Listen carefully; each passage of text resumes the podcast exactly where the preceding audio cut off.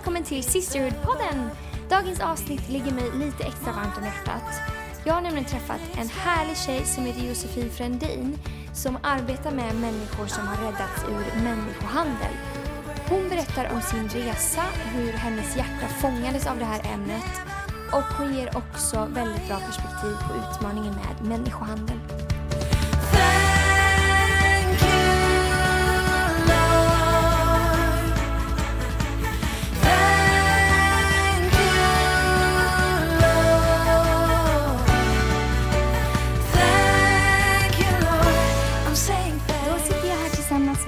Josefin Frändin. Välkommen till Systerpodden. Tack så mycket. Vad drog du i ditt första andetag? Jag drog mitt första handetag i, på BB i Kalmar. Kalmar, men du låter inte så mycket Nej. som att du kommer därifrån. Nej, precis. Mina föräldrar är inte från Kalmar så att jag fick inte riktigt kalmaritiskan hemifrån.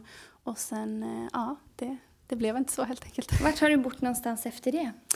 Eh, Jag har bott några år i Los Angeles, eh, men jag, jag, jag växte upp i Kalmar. Men sen har jag bott lite utomlands och flängt runt ganska mycket tills jag flyttade till Stockholm och började plugga till socionom.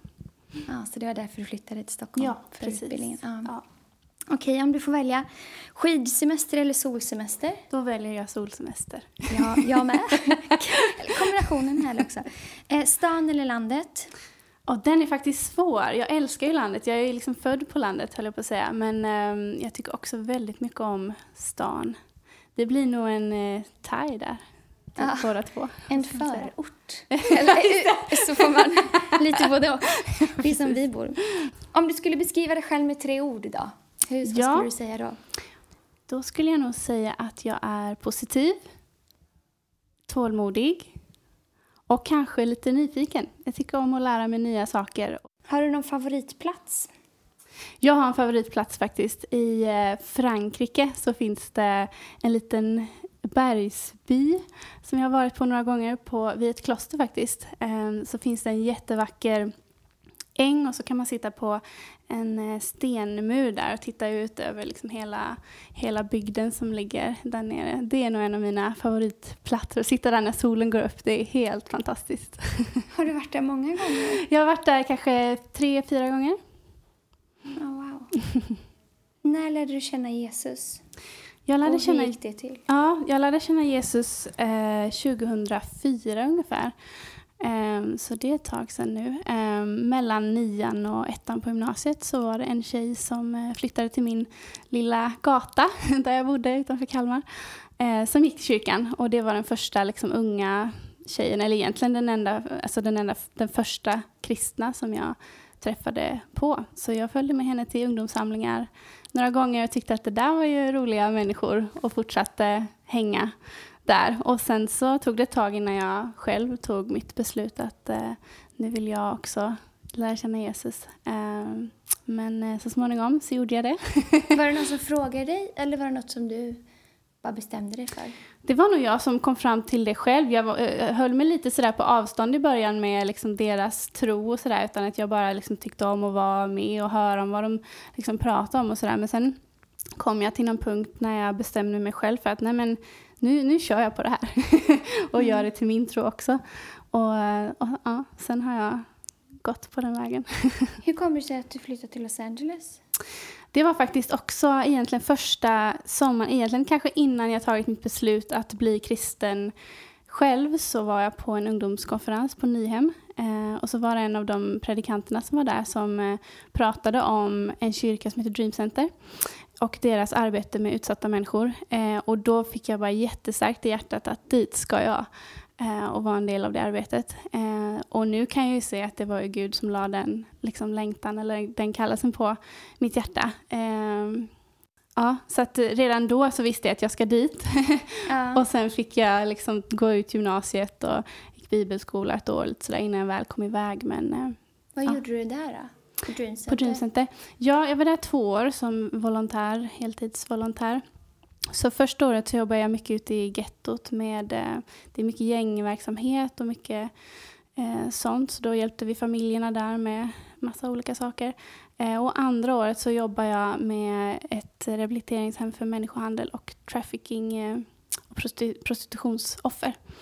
Eh, ja, Har du alltid liksom velat hjälpa människor? Eller var det där på, på den här ungdomskonferensen som du kände oh, jag vill göra något? Ja, det var nog faktiskt första gången där som jag kände rent. Innan så ville jag, var jag väldigt inne på att hjälpa djur. Veterinär. Jag skulle bli veterinär och jag skulle ha stall och det skulle vara zoo och allt möjligt. Eh, men det var nog första gången som jag kände sådär att nej men oj, här måste jag göra någonting. När, när man fick höra de eh, historierna om människor som eh, verkligen hade varit, varit igenom tunga saker så kände jag åh, det vill jag också göra. Så där var nog första fröet och sen har det bara byggts vidare sen dess. Så vad gör du på dagarna nu? Ja, nu på dagarna så jobbar jag faktiskt fortfarande eh, med eh, offer för människohandel och eh, prostitution eh, på ett rehabiliteringshem här i Sverige, eller i Stockholm, som heter Talita. Så jag har fortsatt på den banan sedan Los Angeles. När du var i LA, var det första gången du hörde talas om människohandel då? Ja, Eller hade du hört talas om det tidigare? Precis. Det var efter mitt första år när jag hade varit mycket ute i gettot som de började prata om att de skulle öppna ett hem för just den här målgruppen. Och jag hade nog inte riktigt hört talas om och aldrig liksom tänkt så mycket på den frågan innan. Men det var lite samma sak som innan att jag fick det jättetydligt på hjärtat att oj, det där måste jag ju vara en del av. Eh, så andra året så åkte jag tillbaks och verkligen kände att jag ska vara på det här, liksom, just i det här ministryt. Eh, och sen fick jag ju fick jag vara där också. Eh, men det var den första gången som jag lärde, alltså, lärde mig om frågan. Och sen medan jag var hemma emellan mitt första och andra år så eh, researchade jag allt jag kunde om och försökte lära mig så mycket jag kunde tills att jag kom tillbaks. Så hur kom du i kontakt med Talita? Ja, det var sen jag flyttade hit till Stockholm och pluggade socionom så var jag med i Because We Can-teamet här och genom dem så hörde jag talas om eh, Talita för första gången. Just det, Eh, ett sociala arbete Ja, i kyrkan. precis. Mm. precis. Ja, och, eh, Walk for Freedom. eh, när jag var med och hjälpte till där också. Så det var där jag hörde om dem första gången och sen så eh, hörde jag att de hade en anställning ledig och då sökte jag den. och så fick jag den. Så vad gör du där? Ja, precis. Ehm, det är ju väldigt olika. Ehm, det är väldigt individualiserat beroende på vad tjejerna har för behov, var de kommer ifrån och var de, var de är nu. Ehm, så det kan vara allt från att man sitter med på polisförhör eller hjälper till att koordinera kontakt med socialtjänsten eller Migrationsverket. Det kan vara ja, följa med på läkarbesök eller bara sådana här basic eh, grejer. Eh, lära dem laga mat kanske, städa. Men framförallt bara vara med i vardagen som ett liksom, ja, i det, i det som de är så är man en del av det. Finns det något, för de som inte känner till så mycket, liksom, finns det någon generell berättelse eller någon gens, gemensam liksom, bakgrund som de här tjejerna, hur, hur kommer de till er? Hur fastnade de i trafficking från början? Människohandel är ju, det är ju en grovt organiserad brottslighet. Eh, så det är ju ofta... Ja, var ska man börja? det finns många olika faktorer som gör att man hamnar eh, i människohandel. Men oftast så är ju en, en faktor som många har är att de kommer från väldigt fattiga förhållanden. Och ibland kanske man har blivit lurad till Sverige. Att man eh, kanske har blivit sagt att man ska få jobba med hår eller man ska bli modell eller kan vara olika saker. Ehm, så, och sen när man väl kommer hit så blir man ja, tvingad att, eh, att sälja sex. Eh, ibland kan det vara att man kanske blir kär i en kille som eh, liksom ska ta med en eh, till Sverige och så ska man jobba tillsammans och sen visar det sig att när man väl kommer hit så ska man göra helt andra saker än vad man kanske hade tänkt från början. Eh, så det kan vara väldigt olika hur man hamnar i det. Men eh, en utsatthet och fattigdom är ju ofta väldigt tydliga faktorer. Så när tjejerna kommer till er, då kommer de precis liksom och har blivit räddade av polisen kanske, eller lite olika? Precis, det kan vara lite olika också. Vi, vi samarbetar ju väldigt nära med polisen. Så ibland så kommer de ju direkt eh, från gatan eller direkt från hotellrummet där de har varit till oss. Eh, och ibland kanske de kommer genom andra organisationer som har haft liksom mer uppsökande verksamhet eller fått kontakt med tjejer på olika sätt. Och ibland så får vi placeringar från socialtjänsten också eller Migrationsverket att de kanske har fått några varningssignaler om någon där. Eh, och sen så får de komma till oss eh, och få hjälp. Hur många tjejer har du träffat hittills Oj, på Talita? på Talita. Det finns ju flera i LA och allt. Men, Ja, precis. Ja, vi, får, vi får göra det. Precis, ja. Vi har, ju, vi har ju tre stycken långtidsplatser och sen så ett ak- akutplaceringsrum för ibland kan det vara att, det, att inte alla tjejer vill stanna i Sverige, att när de väl liksom blir fria, att de vill åka hem till sina familjer så fort de kan och sådär, så då hjälper vi dem ju med det, om det är det de vill. Och en del vill inte ha hjälp heller och det är ju det absolut svåraste att sitta och titta och bara veta att man kan hjälpa men ja, man kan inte hjälpa någon som inte vill ha hjälp heller. Ja, ett tiotal kanske. Man räknar med de som har kommit kortare tid också. Sen ett år då. Eh, Jag har Mm. jobbat där ett år. Men jag antar att man inte tänker ännu en vanlig dag på jobbet Nej, när man går dit. verkligen inte.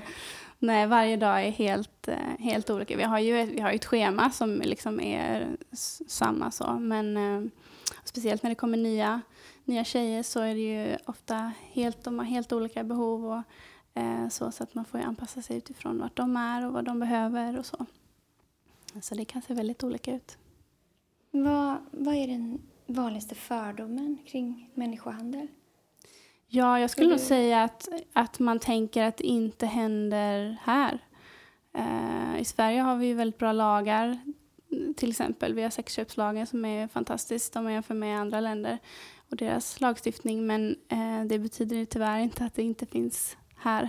Utan det finns eh, ja, i alla områden, i alla städer. Ja, att det, det, omfattningen är så mycket större än vad man tänker ofta. Man tänker att man kanske har sett Taken och så tänker man att ah, det är USA eller Visst, Ja. någon som blir kidnappad? Ja, men precis så. Eh, Men man tänker inte att det finns i min stad eller att det finns här, men tyvärr så gör det ju faktiskt det. Är det flest tjejer från andra länder? Eller är det svenskar också? Alltså ursprungssvenskar? Ja, precis. Eh, Det är många tjejer som kommer internationellt eh, ifrån eh, fattigare länder. Men det finns ju också svenska tjejer och där kan man ofta se att det, det där kanske det eh, finns en eh, tydlig eh, eller att det finns ett, ofta ett tidigt sexuellt övergrepp som har gjort att man kanske har hamnat i de sammanhangen så att man hamnar i prostitution på olika sätt. Ehm, så det kan vara andra faktorer kanske som, som har gjort att man har kommit in i prostitutionen för de svenska tjejerna. Men det finns absolut svenska tjejer också. Men eh, den största delen skulle jag säga är ändå utländska eh, tjejer från andra länder som har på något sätt blivit lurade hit eh, för att säljas. Vad är skillnaden, eller har du sett en skillnad på att jobba med eller med offer för människohandel i USA eller i Sverige? Mm. Jag vet inte om du har erfarenhet någon annanstans Precis. ifrån. Ja, jag har faktiskt lite erfarenhet av också, också ifrån Tyskland. När jag gjorde min praktik eh, på socionomutbildningen så var jag i Tyskland och fick eh, se på en organisation där som identifierar offer på eh, flyktingförläggningar. Så att det har varit jätteintressant faktiskt att se hur, för det är verkligen olika i de olika länderna. Ehm, och till exempel i USA så har ju de en lagstiftning att, eh, att tjejerna blir, eh, eh, att, vad ska man säga, tjejerna åker i fängelse för eh, prostitution. Så att alla mina tjejer där hade liksom suttit inne, de hade suttit på ungdomsfängelse och att det, det gav en dimension av, jag vet inte, att, att samhället hade liksom stämplat dem på ett sätt eh, ja, som eh, väldigt stor skillnad på här i Sverige. Att vi att alla liksom samhällsinstanser, att polis och socialtjänst och vi också som, som hjälpare kan verkligen titta dem i ögonen och säga du har inte gjort någonting fel. Eh, det är de som har köpt dig som har gjort fel. Eh, och att vi inte, liksom från samhällets sida så, så förstår man att det är ingen som skulle välja det här eh, om man liksom hade ett riktigt val. så. Ehm, så att det är en jättestor skillnad. Och i Tyskland så har de ju legaliserat prostitution samtidigt som vi eh, fick vår sexköpslag där köparna åker fast så legaliserar de i Tyskland.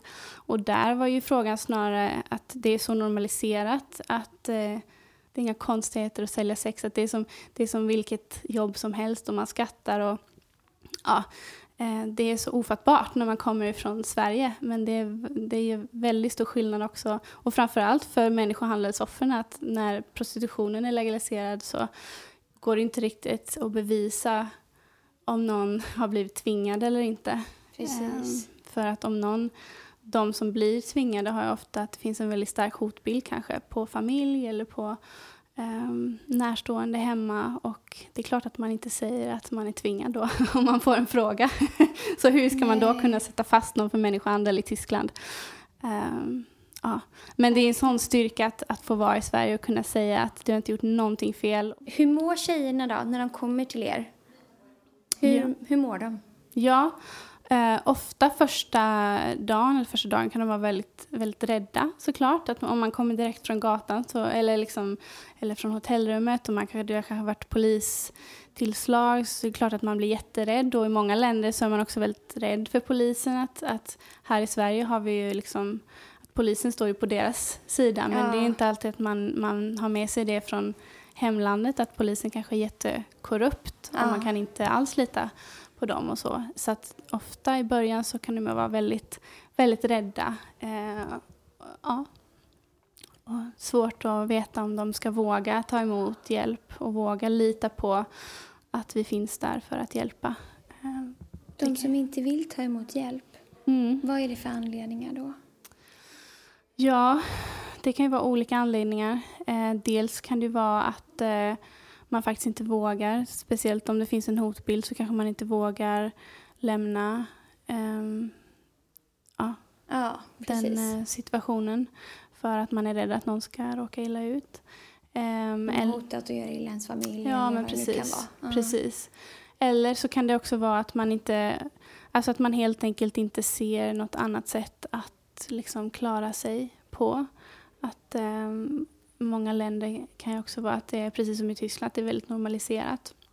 Man kanske har vuxit upp i en familj där det är helt liksom normalt eh, att, man, att kvinnorna ska liksom sälja sex. Eh, det är klart att det är svårt att bara bryta det så på en Mm. gång.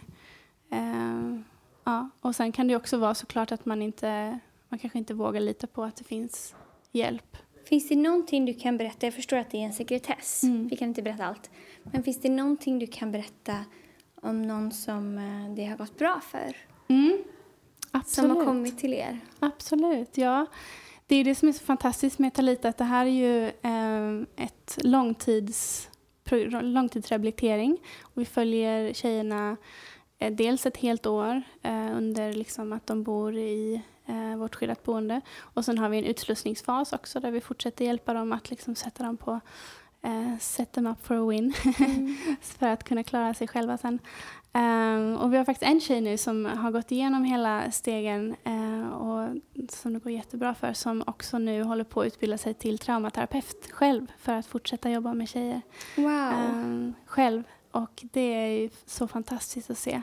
Och vilken styrka hon har att tala in i de här tjejernas liv som har varit där själv. Um, ja, det är fantastiskt att se. Men uh, överlag så skulle jag säga att det, vi har faktiskt uh, Ja, av de tjejerna som gått igenom vårt långtidsprogram så har vi inga tjejer som har gått tillbaka till prostitution. Eh, så det är verkligen fantastiskt att få vara en del av det. Och jag har fantastiska chefer mm. och kollegor. Så jag, jag är väldigt tacksam att få vara en del av Talita och få vara en del på resan för de här tjejerna. Mm. Wow. Hur ofta bryter du ihop? ja, jag tänker att det är säkert många tuffa berättelser och situationer och sådär. Hur orkar du? Ja, det är en väldigt bra fråga. Eh, man får se till att, eh, att väga upp med annat på fritiden. Eh, och så, så att det inte... Det är klart det är tungt och framförallt också när, när de här situationerna när man inte kan hjälpa eller när någon inte vill ta emot hjälp så det smärtar i hjärtat alltså, verkligen. Eh, men man får... Eh, ja. Många gånger får man bara slänga det på Gud och bara be att han är med. Får ni någon hjälp att gå och prata med någon? Ja, vi har grupp, eh, både grupphandledning och individuell handledning om, om vi behöver ehm, som, som grupp. Och det är jätte, jättevärdefullt i och med att man inte får prata om det som händer eh, på jobbet. Så behöver man prata någonstans och det, det är bra att det finns Mm. för oss. Kan du känna sig när du går på gatan på morgonen kanske, folk är på väg till jobbet, man ser liksom några är på väg till skolan och sådär. Folk verkar leva sitt vanliga, vanliga lilla liv. Så här, att du blir frustrerad. Att människor kanske inte vet om vad som försiggår eller Mm. Absolut. Framförallt när man går på de gatorna här i stan där man vet att det är mycket, det är mycket prostitution. Och ibland kanske man ser tjejer som står på liksom vissa ställen som man kan tänka att ja, det här är nog en, en tjej som jobbar. Ehm, det är jättefrustrerande. Ehm, och det är väl en kamp, eh, verkligen. Ehm, men man får ju tänka också bara att man får göra det man kan. Eh, med de som jag har i mitt liv just nu på jobbet eh, och finnas för. Och sen, ja. Visst finns Talita i, i Rumänien också? Ja, precis. precis. Vi finns både i Mongoliet och eh, i Rumänien faktiskt. Och i Mongoliet har vi också en sån historia att en av våra tjejer som gick igenom programmet eh, själv fick på sitt hjärta att åka tillbaka till sitt hemland och eh, fortsätta hjälpa tjejer eh, där. Så där har hon startat upp ett jättefantastiskt arbete med Talita i Mongoliet. Och också Rumänien är ju, det är många tjejer från Rumänien som kommer hit eh, och jobbar. Eh, så då eh, bestämde vi att vi måste göra någonting åt det där. Så då har vi eh, teamat upp med en organisation som jobbar på plats i Bukarest. Eh, så att det finns ett rehabiliteringsprogram för de tjejer som kanske vill åka tillbaks till Rumänien men fortfarande ändå vill ha hjälp. Så det är fantastiskt att vi kan erbjuda det också som en möjlighet för de rumänska tjejerna som kommer. Om man brinner för den här frågan, att hjälpa människor liksom, om man vill göra någonting mot människohandel, vad kan man göra då? Alla kan ju inte jobba på ett behandlingshem. Nej, eller precis. ett skyddat boende. Eller? Precis, verkligen. Jag skulle säga att det är viktigt att, eh, att fortsätta läsa på om frågan. Det är en väldigt komplex fråga. Det finns många, eh, många liksom levels av eh, vad människohandel handlar om och hur man hamnar i det. Eh, prostitution. Eh, så jag skulle säga fortsätta liksom läsa på men också prata med de som man har i sin närhet. eh, och sen så hitta de organisationer som, som stöttar eh, liksom på det sätt som man själv känner att man vill vara med och stötta. Eh, ekonomiskt är ju Ja. alltid en, eh, ja, det är alltid en kamp. Eh, vi är en frivillig organisation till exempel eh, och det är ju många organisationer som jobbar med den här frågan som är det. Eh, så att vi är helt beroende av att det faktiskt finns privatpersoner som, som väljer att ge pengar. Eh, Så att vi kan fortsätta göra det vi gör. Vad har du lärt dig under den här tiden när du har eh, hjälpt tjejer? Är det killar också eller har du mest träffat tjejer? Det finns ju killar som är utsatta för prostitution också, eh, men betydligt färre. Den absolut största andelen är ju kvinnor. Oj, det är en svår fråga. Jag har lärt mig otroligt mycket och framförallt skulle jag säga att de är så starka de här tjejerna att eh, ha gått igenom det som de har gått igenom eh, och liksom komma ut på andra sidan eh, med så mycket livsglädje och så mycket ja, Eh, det, tar, det krävs mycket styrka och mycket mod. Um, och också bara, alltså bara i själva rehabiliteringsprocessen att, att uh, faktiskt fejsa det som finns på insidan ibland är kanske den svåraste kampen. Men att, att göra det och våga göra det och ta sig igenom den stormen. Uh, ja, man blir ödmjuk, jag blir ödmjuk för livet och jag, när man har liksom det är som att man får ha liksom första parkett till några av de starkaste människor jag någonsin har träffat. Eh, så att man, det blir också lite så här, vet du om de kan gå igenom Ja. allt som de har gått igenom. Jag kan inte ens föreställa mig. Eh, man, man hör ju deras historier men jag, kan, eh, jag har liksom inte själv gått igenom någonting som är någonting som de har varit med om. Man känner här, jag har inga problem. Nej, inte i jämförelse. jämförelse. inte jämförelse. Men eh, alltså den styrka som de visar och det mod, så här, om de kan göra det då kan jag ta, ta mig an vad som än kommer i mitt liv eh, och ta mig igenom det också. Så att, mm, Vad har du lärt dig om Gud då? att hans hjärta är oändligt stort. och att hans nåd och att hans omfamning, Uh, att det finns liksom, finns ingenting som man någonsin har gjort eller alltså vilka känslor man än känner, om man är arg eller ledsen eller liksom helt, eh, ah, eh, ja, uh, att han finns att möta mitt i den starkaste, djupaste smärtan. Och att han möter oss på ett väldigt fin, känsligt sätt. Precis där vi behöver, på det sätt som vi, vi behöver. Vad har Jesus gjort för dig? Oj. Ja, jag skulle säga jag är inte samma... Jag skulle inte vara där jag är. Jag skulle inte vara den jag är idag om jag inte hade fått lära känna Jesus på, på insidan. Att, eh, ja, det har varit en, eh, nej, men egentligen den största biten i att lära sig vem man är och vart, vad ska man säga, min identitet. Och liksom att, att det finns någonting mycket större än det jag ser, att jag kan få vara del av något större. Eh, jag hade aldrig åkt till USA om jag inte hade blivit träffat, uh, ja, tagit emot Jesus till exempel. Och, och jag hade aldrig jobbat med den här frågan om inte det var något som jag hade känt att jag fick på hjärtat efter ehm, ja, att jag lärde känna Gud. Så att, Vad drömmer du om nu? Ja, vet du, i den här frågan så drömmer jag om att det ska bli mer män som säger någonting. Jag tror att när jag började jobba med de här frågorna så, så var det lite den här känslan av att, att eh, eh, det var något som man bara kan göra när man är tjej. så, för att... Eh, En kvinnofråga. Ja, men det är en kvinnofråga, verkligen. Eh, och det skulle jag forts- fortsätta säga att det är just i det, den rollen som jag har.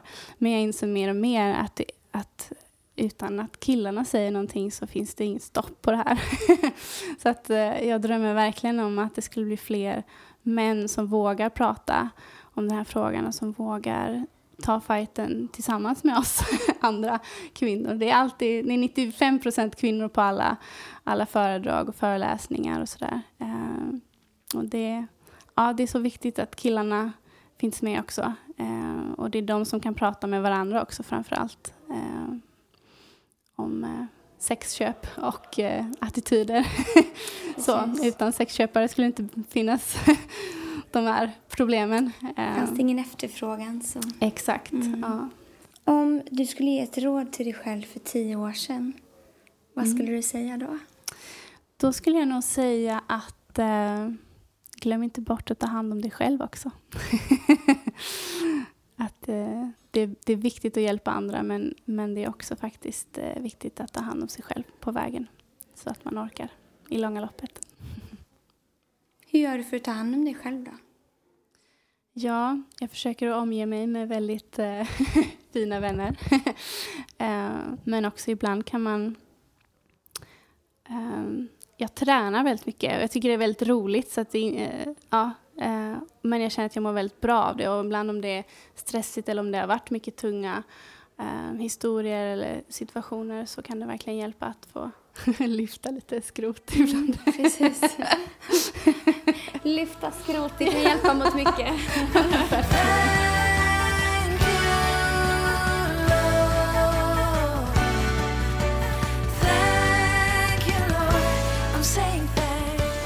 Ja, hur sammanfattar man det här då? Eh, kanske att vi alla kan göra något. Ingen kan göra allt, men alla kan alltid göra något för att göra världen till en bättre plats. Human trafficking är ett globalt och gigantiskt problem. Man tror att det är över 40 miljoner slavar, människoslavar i vår värld just nu. Men vi kan ju alltid göra på samma sätt som man gör när man ska äta en elefant, som det sägs. Man tar en bit i taget. Ett liv i taget, ett steg i taget. Glöm inte att ta hand om dig själv i processen, men glöm inte heller att du faktiskt kan göra någonting för din värld, för din omvärld. För det handlar ju om riktiga människor och liv. Eller som man säger i det här uttrycket på engelska, you can be the change that you want to see.